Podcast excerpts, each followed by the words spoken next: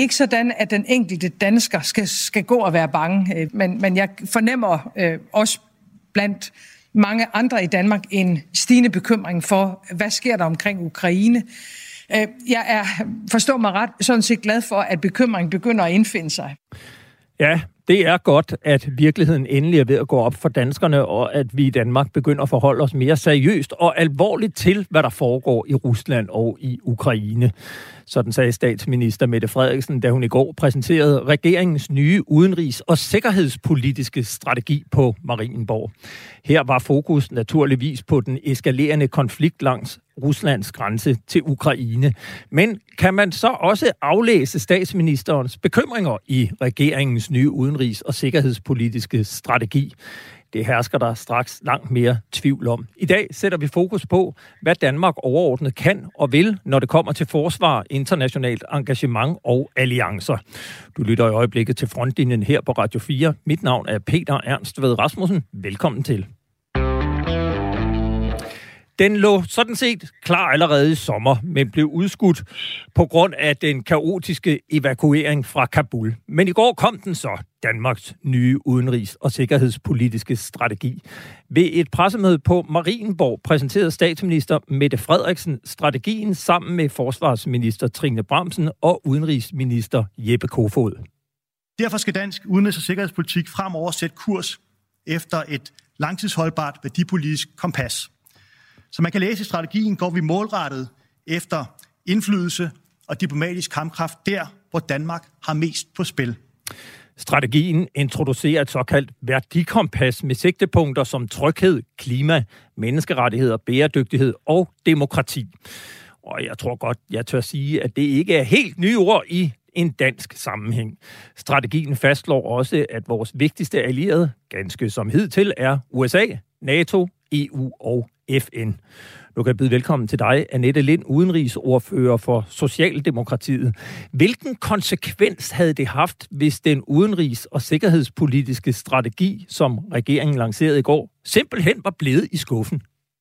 Jamen akkurat som øh, statsministeren siger, så lever vi i en meget kompleks verden. Det er sådan, at verden bløder rigtig mange steder. Vi lever i en stigende grad af uforudsigelighed og usikkerhed, og derfor behøver vi de her forpligtende fællesskaber, som vi som land nyder godt af, og derfor kan man ikke længere tage tingene for givet. Tingene er ikke, som de plejer at være. Der sker nye ting hele tiden. Det vi oplevede i Afghanistan, i Mali for nylig, og i særdeleshed også i Rusland. Og derfor så bliver vi nødt til at stå i den her globale værdikamp, der presser den danske kerneinteresse, og derfor er det vigtigt, at vi får den nye udenrigspolitiske strategi. Men, men hvad, hvad har ændret sig i den?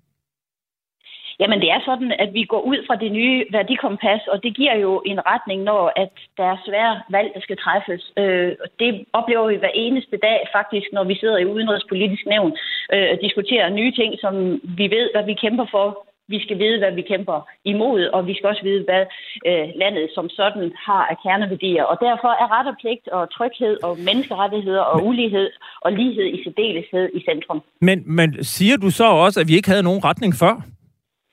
Det havde vi selvfølgelig, men jeg tror, at når man laver en, øh, en strategi, som vi nu har gjort, så ser vi meget, meget længere frem i tiden i forhold til, at vi skal kæmpe ud for danske kerneværdier. Vi skal kæmpe ud for de værdier, som vi sætter højest, og derfor det skal vi prøve på alle mulige måder at forsøge at få sat i, en sammenhæng, både i NATO, i EU og i FN, men også i Arktis. Øh, så mm, derfor mm. er det godt at have et langsigtet mål. Michael Åstrup Jensen, udenrigsordfører for Venstre, også velkommen til dig. Jeg er sikker på, at der er masser, du kan kritisere strategien for, men hvad hæftede du der positivt ved strategien i går? Jamen det er jo, at øh, hvis man går ind og læser alle de der cirka 60 sider, øh, jamen så er sådan, selve ordene jo rigtig fine og flotte. Øh, vi ønsker en værdibaseret øh, udenrigspolitik, hvor vi sætter handling bag ordene. Øh, og for at være helt ærlig, øh, det er jo noget det, som en uh, Lars Løkke-regering, en Helle Thorning-regering, og for det skyld også en Anders Fogh-regering jo også kunne have skrevet. Så alt i alt, så er det jo sådan lidt over 99 procent af det, der står uh, af ordene, jamen det kan jeg jo gå ind for. Problemet er jo, straks værre, når man så skal sætte noget handling bag ordene.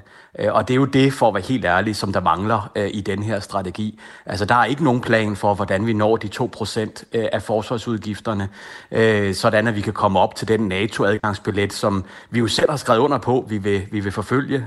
Dernæst så er der ingen styrket udenrigstjeneste. Der er kun sådan lidt omrokeringer, men ikke nogen styrket udenrigstjeneste. Vi har den mindste udenrigstjeneste i Norden, øhm, og vi er absolut i bunden i forhold til resten af Europa. Europas øh, lande. Og så sidst men ikke mindst, så siger man, at man ønsker at være med i midten af Europa, men øh, der er ikke nogen svar på, hvordan vi skal få fjernet forsvarsundtagelsen øh, på EU. Selvom vi jo også i rapporten står jo klart, øh, at øh, USA trækker sig mere og mere ind i sig selv, og derfor Europa skal tage over. Så tre konkrete ting, der decideret mangler øh, i strategien. Og Eva Flyvholm, nu nævnte Annette Lind, at øh, det er en langsigtet strategi, selvom det udelukkende er regeringen. Men man kan jo så spørge, har regeringen med denne her udenrigs- og sikkerhedspolitiske strategi lagt en plan for Danmarks virke i verden de næste sådan 20-30 år frem i tiden? Der tror jeg, det er for ukonkret noget af det, der står til, man helt kan, kan se det på den måde. Altså, øh, jeg har det nok lidt på samme måde som Michael. Ikke, øh, ikke med de samme politiske mærkesager, men jeg lægger også mærke til det. Der er nogle rigtig gode ord. For eksempel synes jeg jo, det er rigtig godt, at der bliver skrevet meget om menneskerettigheder. Og Danmarks ansvar for os at gå i front for menneskerettighederne. Men det harmonerer jo bare ikke særlig godt med, at man sender flygtninge tilbage til Syrien hvor man ved, at de ender i torturfængsler, hvor, hvor alle menneskerettighedsorganisationer siger, at det er helt sindssygt, at Danmark gør det her. Jamen det passer jo ikke sammen med, at man siger, at de her værdier, dem har vi. Og på samme måde savner jeg også i virkelig høj grad, at alt det, vi har set ske med krigene både i Afghanistan og Irak, at det faktisk havde givet anledning til noget mere refleksion over, hvordan man skal agere i udenrigspolitikken og i de krige, Danmark er involveret i. Det er jo heller ikke en læring, der endnu er taget ind i den her strategi. Og jeg synes jo, det er enormt vigtigt at reflektere over det. Her siger man også bare stadigvæk, ah, at USA er vores allervigtigste allierede, uanset hvad. Altså, helt ærligt, der må man da også stille lidt spørgsmål til, hvad det er for en kurs, det har ført os ud på de sidste 20 år, men det, det sker ikke rigtigt, så det savner jeg, må indrømme. Annette Lind har øh, Eva Flyvholm og Michael Ostrup Jensen læst den samme strategi, som du sidder med? Jeg, jeg synes jo, det er bemærkelsesværdigt, at man siger, at øh, man, den er måske ikke er så langsigtet. Hvis det er sådan, at man er enig, var det 95 eller 99 procent Michael Åstrup og også Eva i, hvad der står, så er den jo langsigtet. Det her, det handler om øh, de danske værdier. Når vi er ude i verden, så, så skal vi kæmpe for menneskerettigheder, vi skal kæmpe for mere demokrati og forpligtende internationale fællesskaber, og så skal vi også øh, være enige, fordi når vi sender folk ud i verden og, og øh, kæmpe som danske soldater, vi sender snart øh, 60 soldater til Estland fra Holstebro, hvor jeg bor, så gør vi det jo i, øh, i et kvalificeret flertal, og så øh, er det jo også øh, hvad skal man sige, et bredt flertal, der sender ting ud i verden. Og i forhold til økonomien, her Åstrup, så er det alligevel sådan, at omprioriteringsbidraget, som den borgerlige regering havde, det har vi stoppet, så derfor er der flere penge at godt med, når vi nu ændrer også udenrigstjenesten. I min snart 25 års arbejde med udenrigs- og sikkerhedspolitik har jeg læst en del strategier, vil jeg gerne indrømme. Og ser man på tidligere danske udenrigs- og sikkerhedspolitiske strategier, står det klart, at det her er noget nyt og noget andet. Ja, i, I 2019 der udgav tidligere udenrigsminister Anders Samuelsen også en udenrigs- og sikkerhedspolitisk strategi. Vi hørte her Jeppe Kofod ved præsentationen i går, men hvad er reelt nyt i Socialdemokratiets strategi i forhold til den blå regerings udenrigs- og sikkerhedspolitiske strategi? Michael Ostrup Jensen. Det er, at man bruger øh, lidt øh, socialdemokratiske ord her og der. For eksempel skal vi åbenbart være verdens øh, tillidsmand øh, i FN's øh, Sikkerhedsråd. Øh, så der er sådan kastet lidt bossord ud, så man vil få lidt opbakning fra fagbevægelsen, som jo også meldte ud præcis klokken 16 i går, som kaldet på forskellige pressetjenester, så det, de hjalp deres venner. Og jeg lader respekt for det. Men, men, men, men svaret er jo bare, øh, at øh, der reelt ikke er nogen forandring i forhold til det, som vi kunne have skrevet i vores regeringstid, eller Thorning kunne have skrevet osv. Øh, og derfor så må vi også bare komme ind til kernen af det hele. Og kernen er, at vi bliver nødsaget til at sætte nogle flere penge til, både i forhold til forsvaret, og hvor jeg anerkender klart, at det er røde som blå regeringer igennem årtier som har et medansvar her. Det samme med udenrigstjenesten. Øh, Annette Lind siger, at øh, nu har man stoppet besparelsen. Det er også rigtigt, men der er jo ikke tilført nogle nye midler. Øhm, og det er jo det, som vi fra venstre side faktisk havde i vores finanslovsoplæg et konkret forslag på, vi sendte ned i Folketingssalen. Desværre var der ikke flertal for det, at vi skal simpelthen til at tilføre nogle flere midler. Ja, det... Og der var det sådan, hvis jeg må fortælle, så var det jo sådan, at øh, både statsministeren og forsvarsministeren i går i pressemødet sagde, det er ikke pengene, det kommer an på. Hvis det er, at vi har brug for nye midler i forhold til den konkrete situation, vi står i, så bliver det ikke økonomien, der standser os. Og statsministeren sagde, at nu kommer der et forsvarsforlig, som skal forhandles, og vi kæmper imod det samme mål, som vi øh, har forpligtet os på. Ja, man må sige, i forhold til den her diskussion, om der skal flere penge til udenrigstjenesten, det synes jeg, der skal, men der er det jo altid sådan lidt uskyndt at høre, hvordan det skifter, at de partier, der ikke sidder i regeringen, de peger på, altså, nu peger Venstre på, at der skal flere penge til. Da man selv sad i regeringen, så skar man ned, og øh, altså helt ærligt, der synes jeg måske både Socialdemokratiet og Venstre må sørge for at skaffe lidt, lidt flere midler der og tage ansvar for det, mens de også er i regeringen. Men det jeg egentlig vil sige, jeg synes, der er faktisk nogle nye ting, i den her. Jeg er enig i, at i store træk, så er det ikke sådan vilde nybrud, men jeg synes, der er et nyt fokus, som jeg er glad for, at FN er mere gennemgående. Helt klart. Det er måske også, fordi Danmark kandiderer til en post i FN's Sikkerhedsråd, det kan være. Men, øh, men det er meget mere gennemgående, end det ville have været før. Og der er faktisk også et skide godt afsnit om... Øh, der handler om altså global nedrustning og våbenkontrol, som jeg synes er enormt vigtigt i den situation, vi også står lige nu med i forhold til Rusland og Ukraine. Men jeg savner bare lidt, at der bliver fuldt mere op på det i den konkrete dagligdags politik. Hvad sker der så med det? Altså sådan lige konkret nu og her, hvordan udlever man de fine ord, og det samme er det, jeg efterlyser med menneskerettighederne også.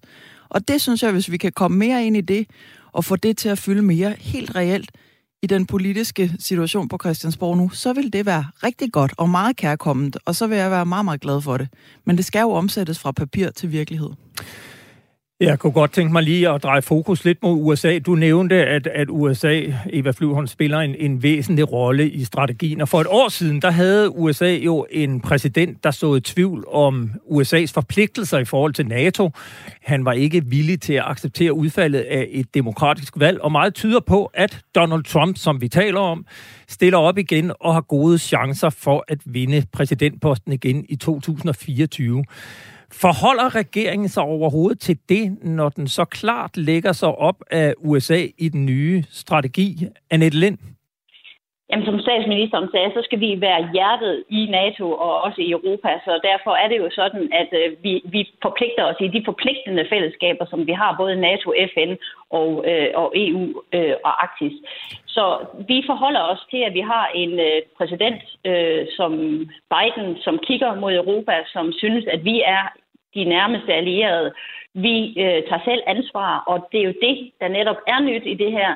Det er det demokratiske ansvar, som vi kommer til at tage. Og så er det i forhold til handel også, som er øh, andre øh, boller på suppen i forhold til det her, hvor det ikke kun er vækst og arbejdspladser, men netop også den grønne øh, omstilling, som, som, vi, øh, som vi arbejder med. Og som Michael Aarhus sagde, så kunne en få have skrevet det. Men forskellen er jo, det gjorde han ikke, fordi det her, det er danske værdier. Det her, det er nyt i forhold til at tænke sin udenrigspolitiske strategi på den her måde. Og derfor er det ikke skrevet før. Det er skrevet af en socialdemokratisk regering, og det er den retning, som vi mener er den rigtige vej at gå. Også med USA som vores nærmeste allierede. Og Michael Åstrup, altså det er jo en strategi. Den skal vel også se mere end tre år ud i fremtiden, hvor vi risikerer at få en ny præsident, måske Donald Trump igen, eller nogen, der flugter med hans holdninger. Mener du, at strategien tager højde for, for de scenarier, der kan ligge lidt længere ud i fremtiden? Nej, det gør den ikke, øh, desværre. Øh, og, og lad os nu være ærlige. Altså, før vi begynder at, at skamrose præsident Biden, så har præsident Biden jo forfulgte øh, den der sådan mere isolerende øh, udenrigspolitik, som øh, Trump lagde op til. Han decideret sagt offentligt, at han mener, at øh, USA ikke kan være verdens politimand, øh, at øh, andre lande, der blandt Europa, øh, må træde lidt mere frem på scenen, øh, tage over øh, i forhold til den ekstremt kaotiske evakuering fra Kabul der fik den danske regering, øh, tror jeg, et varsel på et par timer, øh, øh, før at man øh, meldte den ud. Ingen koordinering, ingen øh, overvejelser i samarbejde. Nej, det var bare en orientering om, at det var det, USA ville gøre. Øh, og på den måde er der desværre andre lignende eksempler. Så Europa må til at, at gøre tingene også selv, og det er jo derfor, vi siger meget øh, reelt, at det er, at hvis vi ønsker, der skal være orden i Mellemøsten, i Afrika og andre steder, som vi jo tydeligt efter Mali øh, problemet, hvis man kalder det det, øh, er ret tydeligt for enhver, at det skal der være mere orden på, jamen så skal Europa kunne noget mere. Øh, og derfor er der jo en lang række lande, som heldigvis nu siger, lad Europa nu være sådan en slags europæisk søjle, øh, i NATO, øh, og så skal vi selvfølgelig have fjernet vores EU-forsvarsundtagelse, øh, så vi kan være med der, hvis vi ønsker den her værdibaserede udenrigspolitik. Jeg, jeg kan ikke lade være med at tænke på det her forhold, at øh, vi taler meget om, hvor Danmark skal være engageret det ene og det andet sted. Vi skal både være med NATO og med FN. Sagen er jo den, at vi lige nu har en øh, militær oprustning langs grænsen til Ukraine fra, fra Ruslands side, og i mange år, helt siden 2014, der har man debatteret forsvar i både Norge, Sverige, Finland, Polen, de baltiske lande. Det er ligesom om det første er ved at gå op for Danmark nu, at der er måske en reel trussel fra, øh, fra Rusland. Eva Flyvholm, er det her ikke et tegn på, at vi er alt for sent ude af starthullerne? Jamen, der er jo helt sikkert en meget, meget farlig og anspændt situation i Europa. Altså, og der er en trussel både mod Ukraine, men også for, at der kan udbryde krig i Europa. Så det skal man jo tage ekstremt alvorligt. Men spørgsmålet er jo, hvad man vil gøre ved det. Altså, jeg tror, at hvis man kun fokuserer sådan meget blindt på den militære oprustning, jamen så er man ikke med til at finde de løsninger, som er helt nødvendige lige nu for men, at forhindre, men du, at man at... risikerer en invasion af Ukraine. Altså, man er nødt til også at have nogle andre ting at lægge pres på. Der er det totalt gak, for eksempel, at man lige nu ser, hvordan Tyskland er fuldstændig afhængig af russisk gas, og bare bliver det mere og mere. Altså, det er da også sådan nogle ting, man Men skal anerkender du, at der er behov for et stærkere forsvar med den situation, vi har i Europa lige nu?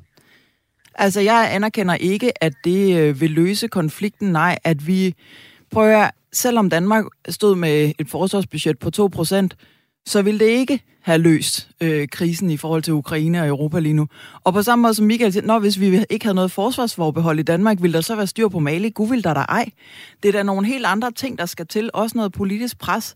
Altså, jeg tror ikke, at danskerne stadigvæk er klar til at bruge 2% af BNP på forsvarsbudgettet. Og jeg tror faktisk heller ikke, det er klogt at sende våben til Ukraine. Men jeg synes, det vil være rigtig, rigtig klogt Men at begynde at få noget Eva mere Fluhånd, kontrol med våbenopstillingen. Det her, det handler jo også om, om Danmarks forsvar. Der er vel ikke nogen, der tror, at Danmark kan løse konflikten ved at have et forsvarsbudget på 2%. Men det handler jo også om, at vi skal kunne beskytte os selv og signalere til Rusland, at de kommer ingen vegne ved at komme her. Køber du slet ikke den præmis? Jo, jeg synes, det er vigtigt at have et territorialt forsvar. Altså, og der må man jo også se på, hvordan fungerer det bedst. Noget af det, man måske heller ikke skal være helt blind over for, det er, at noget af det, der i den grad har belastet forsvarsbudgettet øh, de sidste par år, og vil gøre det de kommende år, jamen det er altså det der kæmpe store milliardindkøb øh, af kampflyene. Og er det så den rigtige investering for det danske forsvar? Det har jeg jo aldrig ment, det var. Æh, Annette Lind, jeg, jeg bider jo mærke når jeg sidder og læser den her strategi. I nævner meget om NATO, og I nævner om alt det gode, vi skal gøre, men der står ikke 2% med et eneste ord. Hvorfor vil regeringen ikke sige, at vi skal op på 2% for at leve op til det, vi har lovet NATO? Men det havde, havde statsministeren jo tydeligt sagt under pressemødet, så hvis man hørte det, så vil man Nej, det sagde hun hørt, ikke. At, hun sagde, hun vil bruge flere penge på forsvar, hun vil, og vi skulle styrke forsvaret, men hun nævnte ikke 2% med et ord, hun gled af på spørgsmålet om 2%.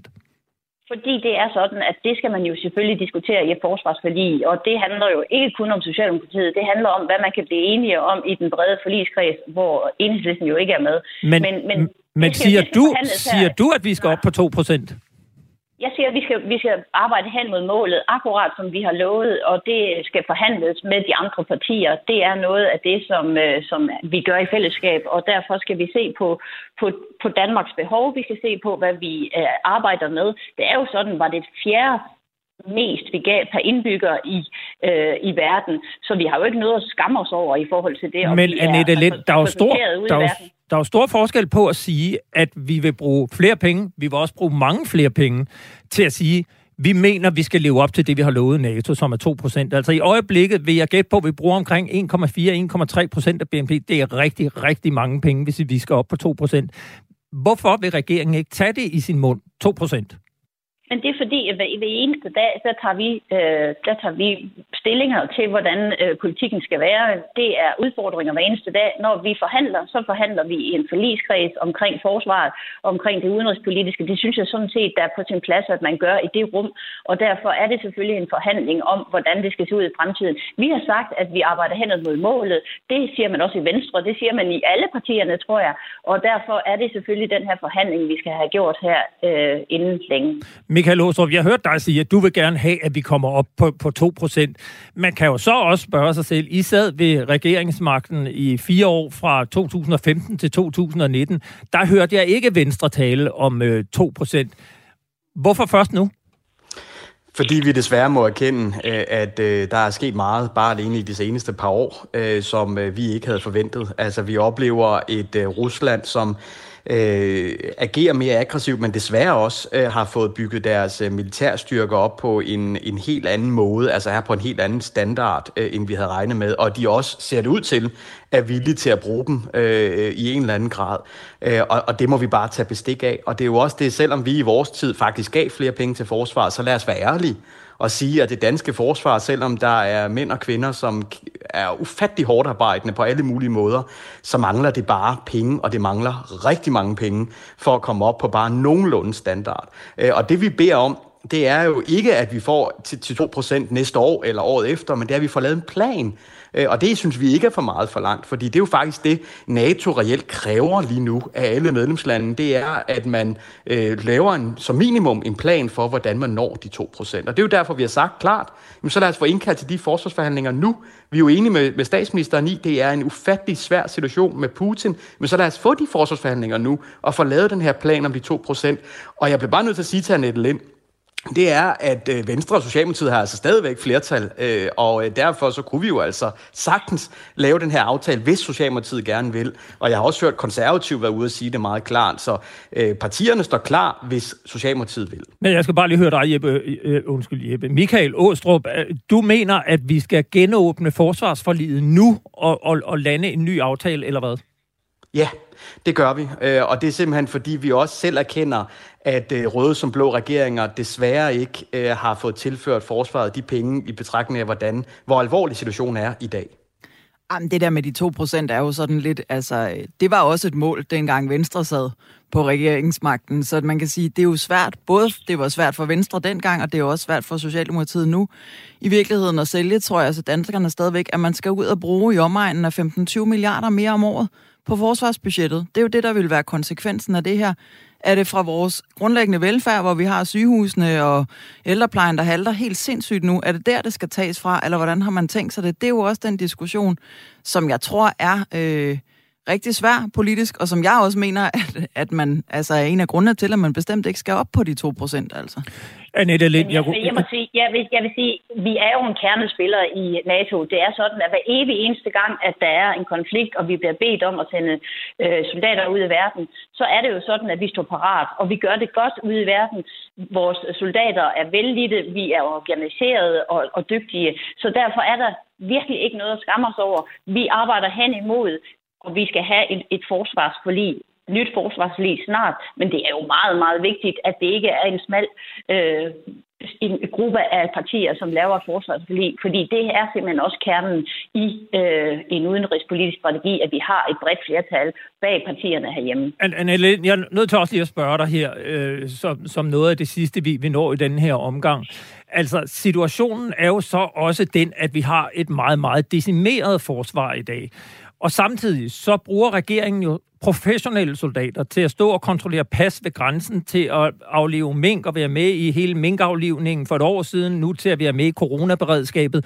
Er det ikke på tide, at man også fra regeringens side, okay, der er en trussel i, omkring Rusland, som gør, at nu er vi nødt til at sørge for, at de soldater, vi trods alt har, så får lov til at øve at træne, sådan at de i det mindste er nogenlunde klar, hvis man en dag står og skal bruge dem til det, de er blevet ansat til. Nu er det sådan, at vi har stået i en global pandemi, som har trukket tænder ud i alle brancher i vores land. Og derfor måtte vi trække på de øh, folk, som, som der var at trække på. Vi kunne ikke sende øh, sygeplejersker ud og, og aflive mink øh, eller øh, gøre andre ting i forhold til paskontrol. Hjemmeværnet er også ude. Vi øh, er forhåbentlig snart over den her pandemi, så vi kan komme tilbage til en mere almindelig hverdag, også for militæret. Og helt afslutningsvis, øh, Eva Fløvholm, den her strategi, hvad vil du bruge den til nu? Jamen, jeg synes, vi skal hænge regeringen lidt op på, at øh, hvis de mener det med værdibaseret udenrigspolitik, så betyder det altså også, at man skal gå op i demokrati og menneskerettighed til daglig. Så man skal holde op med at sende folk tilbage til torturfængsler i Syrien for eksempel. Og man skal tænke sig bedre om en anden gang, inden man indgår i alliancer med kubregeringer, som vi så det med Mali for eksempel, og fortsætter flere uigennemtænkte krig. Så det er jo noget af det, jeg gerne vil hænge regeringen op på i forhold til det her. Og Michael Åstrup, her afslutningsvis, hvad har du i sinde at gøre nu på baggrund af den her strategi? Presse, så vi kan få genåbnet de forsvarsforhandlinger, og ikke mindst få styrket det øh, forsvar, som, øh, som vi simpelthen skal have i øh, lyset af den øh, meget, meget svære situation, vi har. Jeg vil sige tak til jer alle tre. Annette Lind, udenrigsordfører i Socialdemokratiet, Eva Flyvholm, udenrigs- og forsvarsordfører i Enhedslisten, og Michael Åstrup Jensen, udenrigsordfører og næstformand i det udenrigspolitiske nævn for Venstre. Tak fordi I kom. Selv tak. Selv tak. Tak. Mit navn er Peter Ernst ved Rasmussen, og du lytter i øjeblikket til Frontlinjen her på Radio 4. Vi har i dag fokus på Danmarks nye udenrigs- og sikkerhedsstrategi, som det præsenterede statsministeren, udenrigsministeren og forsvarsministeren på Marienborg i går. Strategien er ifølge regeringen et værdibaseret kompas med fokus på frihed, lighed, tryghed, demokrati, menneskerettigheder, retfærdighed, klima, bæredygtighed og velfærd det er jo unægteligt nogle ord, som lyder som varm luft. Du kan byde velkommen til dig, Anna Libak, med en fjern fortid som sprogofficer i russisk, og i dag udenrigs, uh, undskyld, jo, udenrigsredaktør på Weekendavisen. Og så kan jeg retfærdigvis også nævne, at du, ligesom manden ved siden af dig, i dag sidder i mit og Olfis Advisory Board. Hvis det nu øh, forholder os til den mere sikkerhedspolitiske del af strategien, så kan man vel godt tale om, at der er i NATO en række hardliner-lande som USA, Storbritannien og Polen, og nogle mere softliner-lande, som hellere vil drikke dialogkaffe med Putin, end at gå i krig. Det er lande som Tyskland, Frankrig og Italien. Hvor står Danmark i det felt med den nye strategi, og ser du en konflikt her? Man kan sige, at de senere år øh, i hvert fald siden øh, Trump blev præsident i USA, der har vi jo diskuteret, om øh, EU i højere grad skulle stå for det forsvarspolitiske. Men denne her Ukraine-konflikt øh, har jo øh, vist os, at USA under Biden aldeles ikke har øh, trukket sig tilbage, som jo ellers har været hovedargumentet for, at, øh, at Danmark skulle forsøge at, øh, at, at få sin sikkerhed øh, løst via øh, EU. Så det Danmark har gjort nu, det er, at vi har, vi har tonet øh, rent flag i forhold til øh, USA. Ikke så meget i strategien, fordi det har alle strategier sådan set øh, gjort de sidste år, men mere i, i form af vores handlinger. Vi har sendt en fregat og øh, kampfly til Baltikum, og vi har sagt, at vi ikke vil udelukke også at sende militært øh, udstyr, hvilket man ikke kunne vide på forhånd, at øh, regeringen ville, øh, ville, ville øh, sige. Altså, hvis vi tager i forhold til strategien, så kan man sige, at at den giver ikke svar på, hvad der så sker, hvis Trump kommer til, øh, til magten igen. Men, men øh, da, da han var der, øh, der, øh, der løste vi jo problemet ved blandt andet at satse på franskmændene, og det vil vi nok også gøre fremover. Man kan huske, at vi havde en, øh, en operation, øh, observationsmission øh, i, øh, i Hormuzstrædet ved den persiske golf, hvor det var også meget om at gøre, at øh, den skulle være en franskledet mission, selvom amerikanerne faktisk havde spurgt os, øh, sådan gik forlydningerne, forlydningerne i hvert fald, om vi ville sejle med dem. Nej, vi ville sejle med øh, franskmændene. Mette Frederiksen sagde det ikke øh, højt, at det var derfor, og jeg tror også, det er sådan, man vil, øh, man, man vil løse øh, det fremover. Men, men Danmark hører helt klart mere til i den øh, lejr, der hedder Baltikum, Polen, øh, USA, Kanada, Storbritannien, Australien, end de hører til i Frankrig, Ungarn, Tyskland og Italien. Sådan. Jeg kan også byde velkommen til dig, Torben Ørting Jørgensen, bedre kendt som Tøre.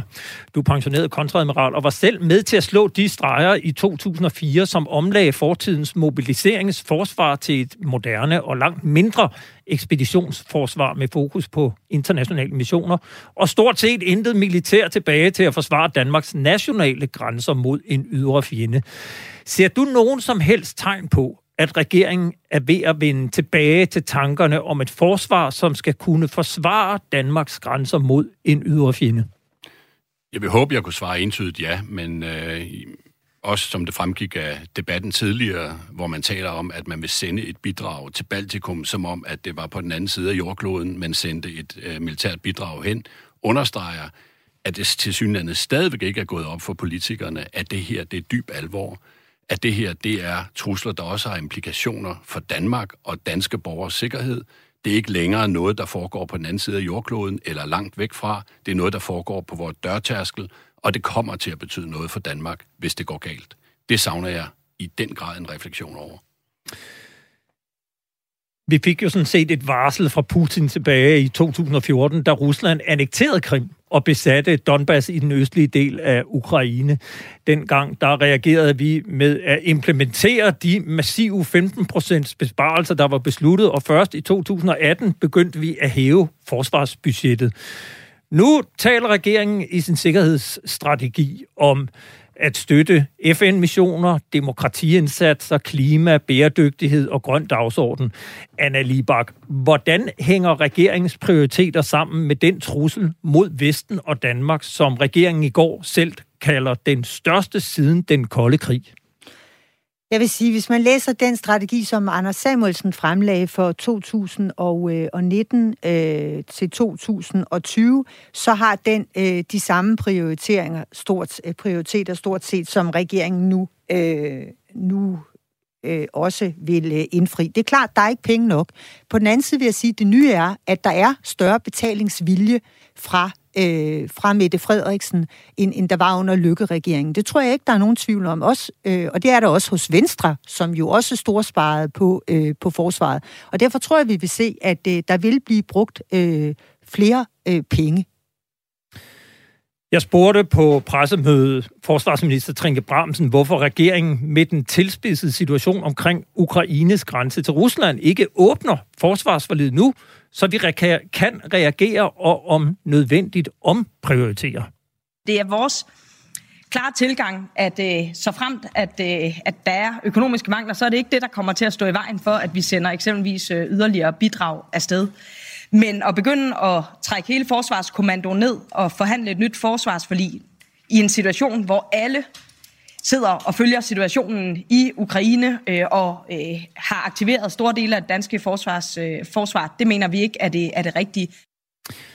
Ja, Torben Mørting Jørgensen, det lyder jo som om, at det slet ikke er muligt at forhandle forsvarsforlig nu, fordi forsvarskommandoen er fuldt optaget af situationen i Ukraine. Er det ikke dejligt betryggende, at hele forsvarskommandoen er så engageret i situationen mod øst, at vi slet ikke kan forhandle forlig?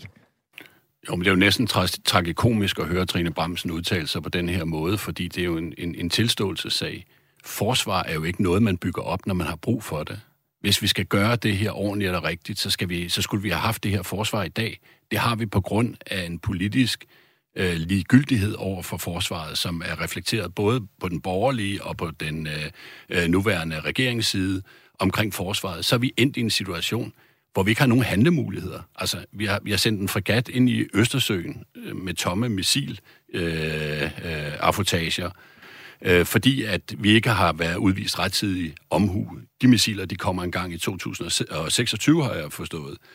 Altså, der er så mange ting, der er gjort fejl, og der er så mange ting, der er fejllæst. Og hele den her situation, hvor Putin optræder på den måde, han optræder, er jo en, er jo en konsekvens af, at Europa ikke militært er i stand til at sætte ham skakmat. Putin er jo ikke en idiot. Hvis han vidste, at han ikke kunne opnå noget militært, så han aldrig nogensinde kastet sig ud i det her. Men han kan se et fragmenteret NATO, hvor der har været en generel tendens til, at man ikke har ville investere i sin egen frihed og sikkerhed ved at opbygge ansvarlige forsvarsstrukturer. Og Danmark er et mønstereksempel på det her. Vi har bildt os selv ind, at det her det er noget, der sker meget langt væk fra Danmark, og noget, som dybest set ikke berører Danmark, udover at vi viser vores solidaritet osv. osv. Og så kan vi have en forsvarsminister, der står med et hjerte så stort som en kalvelever, og fortæller om danske soldaters glimrende indsats, der hvor de er sendt ud. Det her det er altså begyndt at blive alvorligt også for den danske befolkning, og jeg tror, at vi efter pandemi og efter hvad der sker i Ukraine, begynder at blive meget bevidste om, at vi skal gøre noget, hvis vi også i Danmark vil have den sikkerhed, vi alle sammen ønsker at opleve og få vores børn til at vokse op i.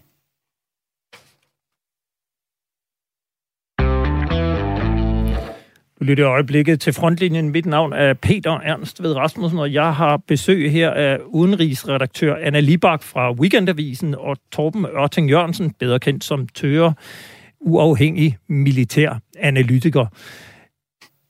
Jeg kunne godt tænke mig at øh, høre lidt omkring øh, USA.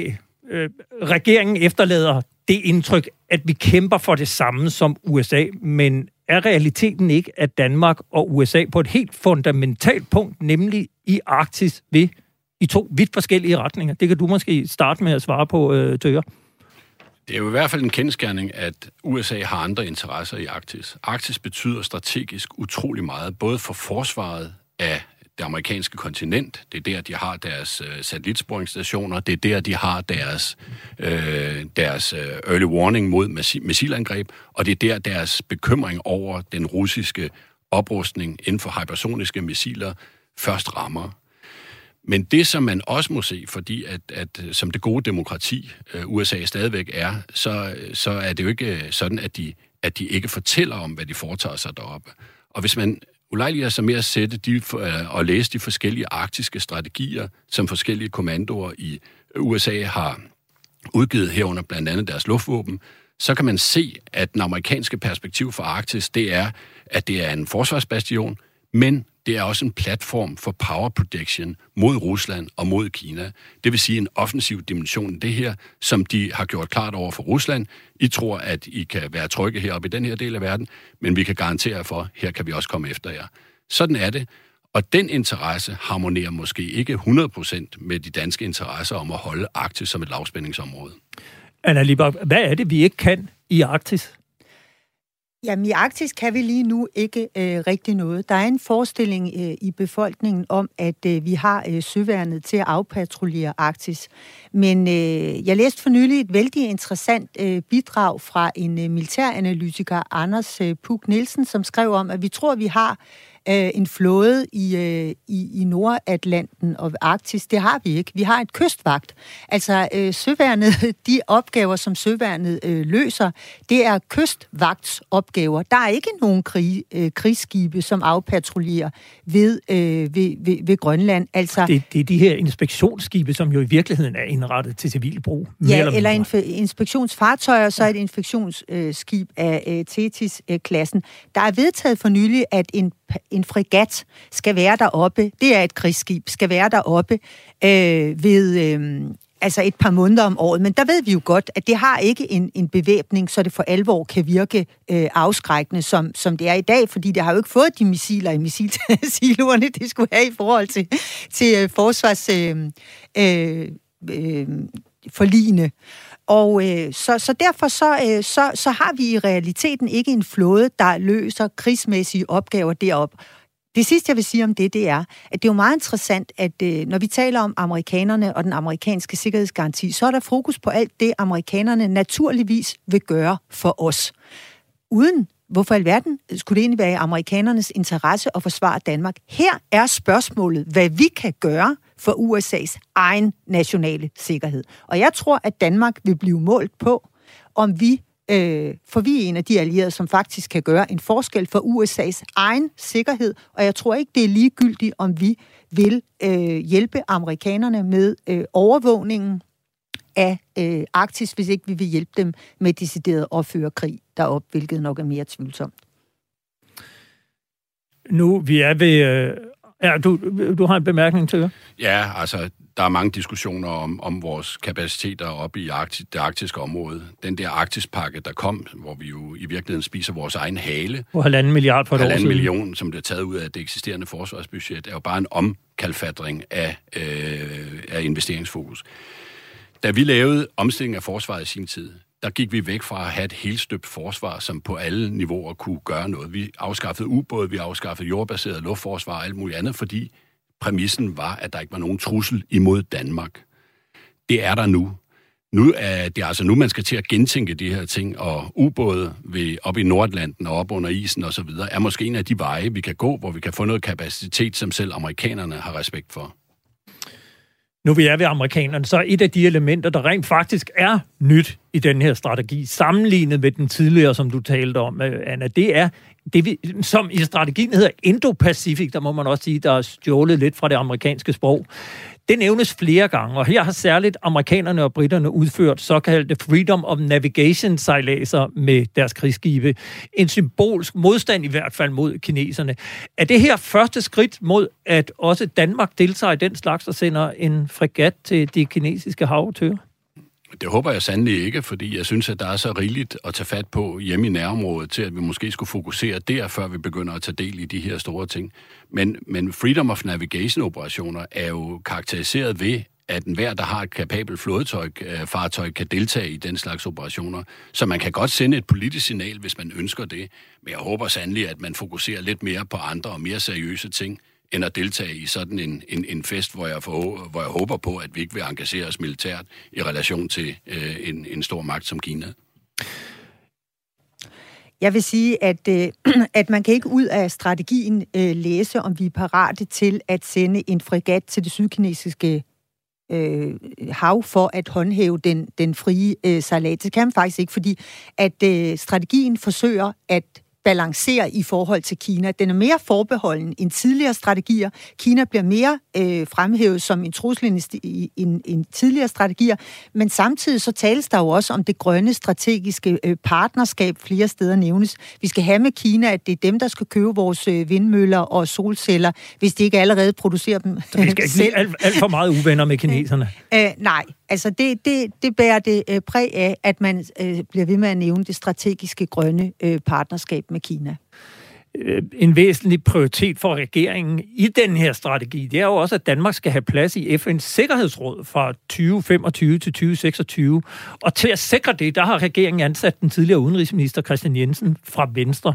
Anna Libak, hvor godt mener du, at strategien i virkeligheden understøtter det ønske? Jamen, jeg ser nogle problemer i det, fordi strategien øh, også taler om, at øh, Danmark har et migrationsdiplomati, øh, hvormed man mener, at man øh, vil være first movers på at lave asylcentre i tredje lande. Vi har talt mest om Afrika, men altså lande uden for øh, EU. Og øh, det ved vi jo, at, øh, at netop FN, UNHCR, øh, har udtalt sig meget kritisk om den danske politik.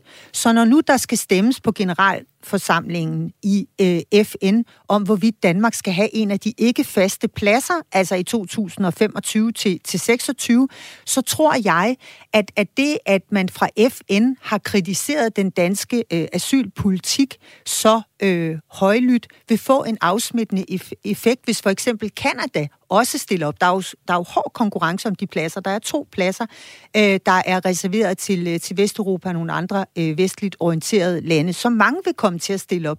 Og stiller nu Kanada for eksempel op øh, imod Danmark, så tror jeg, at Kanada, fordi der er en, øh, en feel good.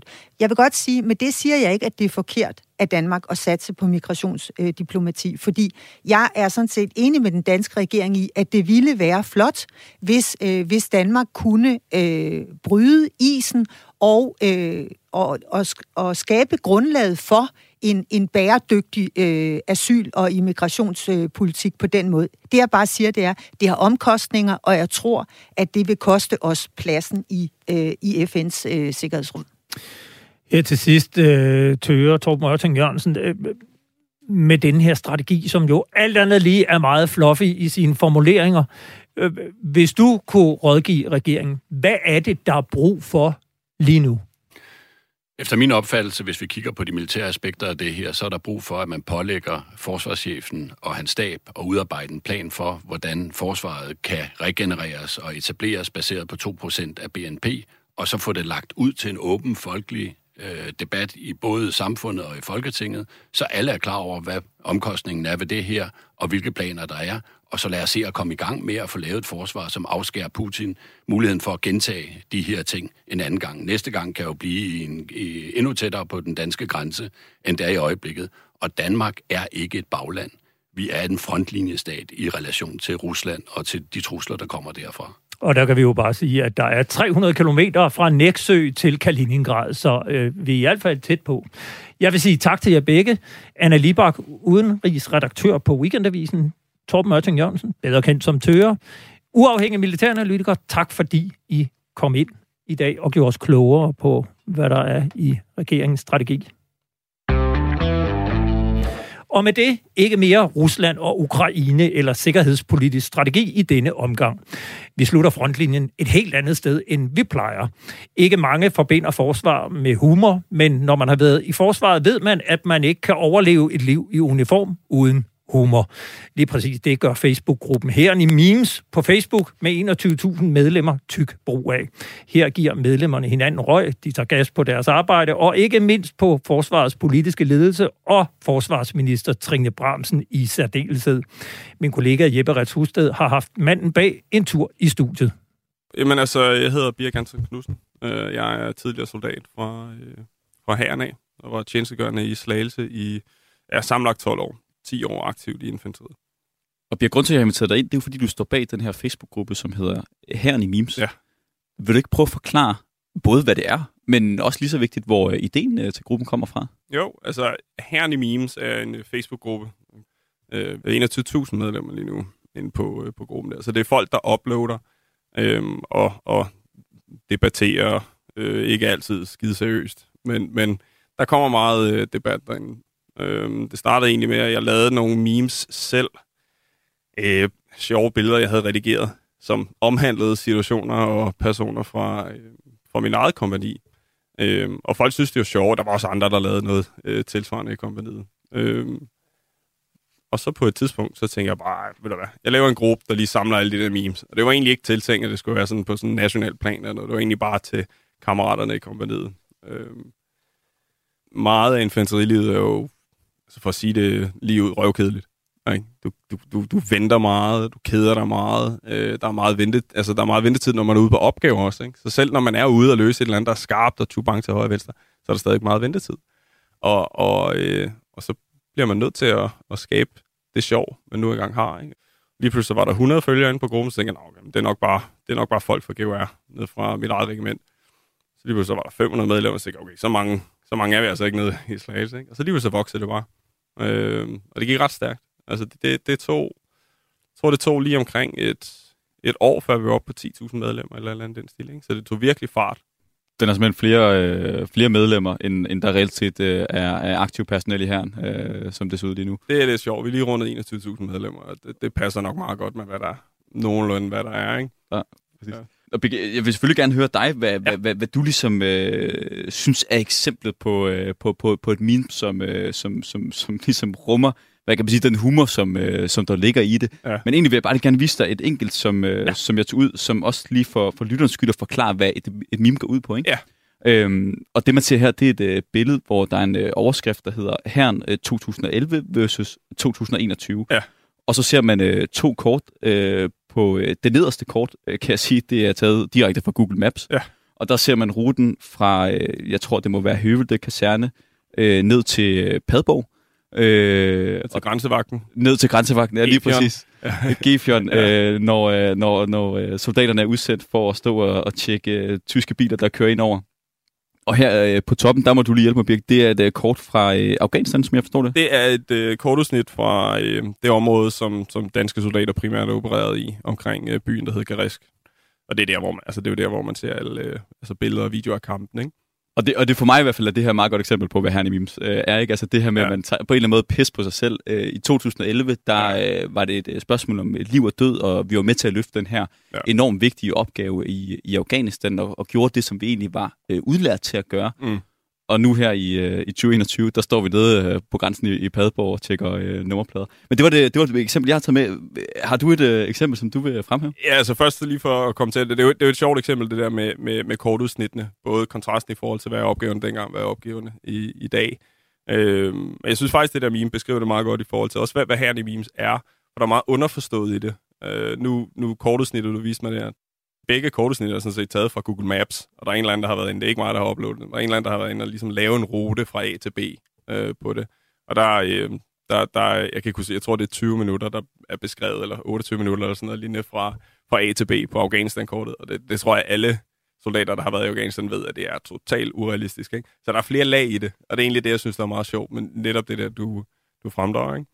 Altså, det er jo et glimrende eksempel, synes jeg, også på, at man også har en eller anden form for jeg ved ikke, om man øh, kan kalde det selvivni i forhold til, øh, til ens øh, egen øh, opgave i, øh, i forsvaret. Og det, ja. det var faktisk for mig lidt overraskende, altså det her med, at, at, at, at man havde så meget selvivni, ja. at man simpelthen gjorde grin med øh, også de opgaver, man selv blevet sat til. Ja, absolut. Og, og soldater gør grin med sig selv. Altså jeg vil sige, at selvivnien er, er øh, meget dominerende inde på herren Det er det, der gør den sjov. Det er også det, der gør, at, at, at, at det er så åbent et forum, hvor man, man kan sige, hvad man vil derinde. Øh, man får også hak for det, hvis man siger noget forkert. Altså, jeg, jeg er ikke inde og moderere så meget, som I nærmest overhovedet ikke, fordi det synes jeg vil være ærgerligt. Øh, altså, og det at være soldat kan lige så meget være en identitet, som det er et arbejde. Og hvis det er, man er stolt af det, man laver, og man er hviler i sig selv i forhold til det, man laver, som, som jeg vil sige langt de fleste infanterister trods alt gør, jamen, så har du heller ikke noget mod at lave sjov med det, fordi du kan tåle det. Ikke? Du kan tåle kritikken, og du kan tåle de slag, der kommer ud af det. Ikke?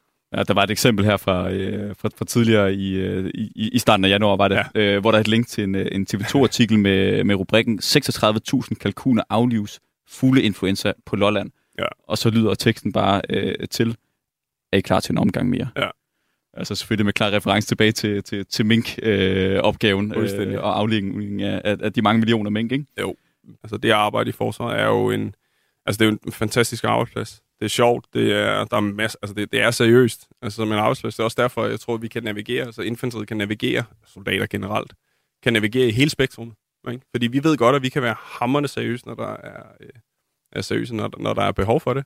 Øh, men vi kan også være lige så lallede og øh, bare have det sjovt, når der ikke er behov for den seriøse side. Ikke? Så det der spektrum, vi kan bevæge os i, det tror jeg er meget godt til at definere, øh, definere hvordan det er. Og så lige, lige det der opslag, du nævner der, det er jo, jo, der er meget selvevne i det, og der er meget sådan kigge ind af, men der er også meget lang ud. Ikke? Altså, man, man peger øh, opad og siger, altså, hallo, øh, det, er ikke, altså, det tangerer ikke med vores identitet som soldater, det her med, at vi skal rende rundt og, og passe på, øh, eller øh, nedslå mink, eller understøtte de der opgaver der, ikke? Mm. Ja, nu, nu er der, I dag er der lige kommet et, et opslag, hvor det er med, hvor det er med svineinfluenza, ikke? Så altså, der kommer hele tiden nye ting til, som, øh, hvad hedder det, hvor infanteriet sidder for sjov og siger, har nu, nu vil nu vil ministeren, øh, nu har hun en ny idé til, hvad vi kan bruges til, ikke? Der er et andet meme, som jeg også har taget med. Øh, man ser her overskriften, der står, det er endelig kommet frem, at chefen for FE blev fængslet, fordi han havde lækket Trine Bremsens browserhistorik.